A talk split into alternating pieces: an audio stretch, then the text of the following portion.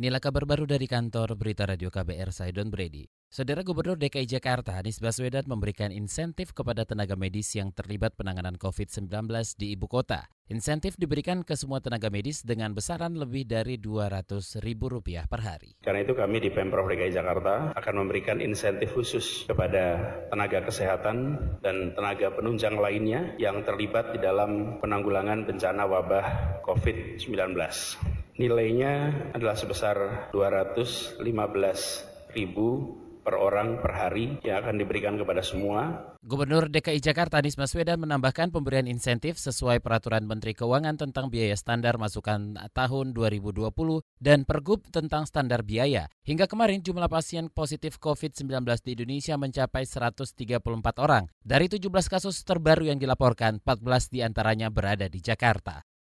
Ekonom dari International Fund for Agriculture Development atau IFAD, Dr. James Adam MSI menilai lockdown atau penutupan akses total di Indonesia bukan solusi tepat mengantisipasi penyebaran COVID-19.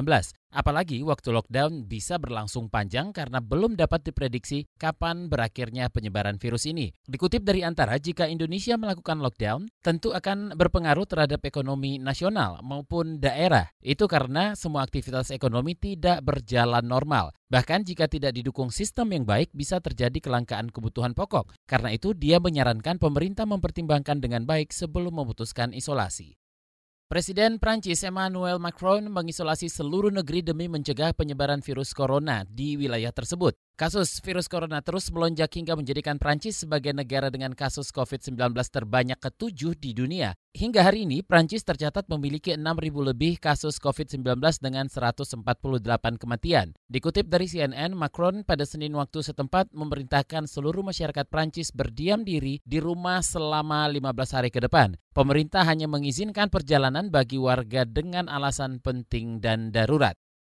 Hampir 70 persen warga Jepang setuju penyelenggaraan Olimpiade 2020 Tokyo ditunda dengan pertimbangan pandemi global virus corona. Hasil survei yang dihimpun kantor berita Jepang Kyodo menunjukkan masyarakat menolak ide Perdana Menteri Jepang Shinzo Abe yang bersikeras menggelar Olimpiade 2020 sesuai jadwal pada 24 Juli hingga 9 Agustus. Survei tersebut melibatkan 700-an keluarga dengan hak suara serta 1.200-an nomor telepon seluler. Dari respon yang terkumpul, warga Jepang Jepang tak setuju Olimpiade digelar. Alasannya pemerintah pusat tak cukup serius menangani dampak wabah virus corona. Dilansir Reuters, Perdana Menteri Abe sempat mengeluarkan pernyataan bahwa Jepang tidak perlu mengumumkan darurat nasional meski parlemen menyetujui RUU tersebut. Namun untuk mengantisipasi penyebaran virus, Abe telah menerapkan langkah-langkah seperti melarang pertemuan besar dan penutupan sekolah. Demikian kabar baru dari kantor Berita Radio KBR, saya Don Brady.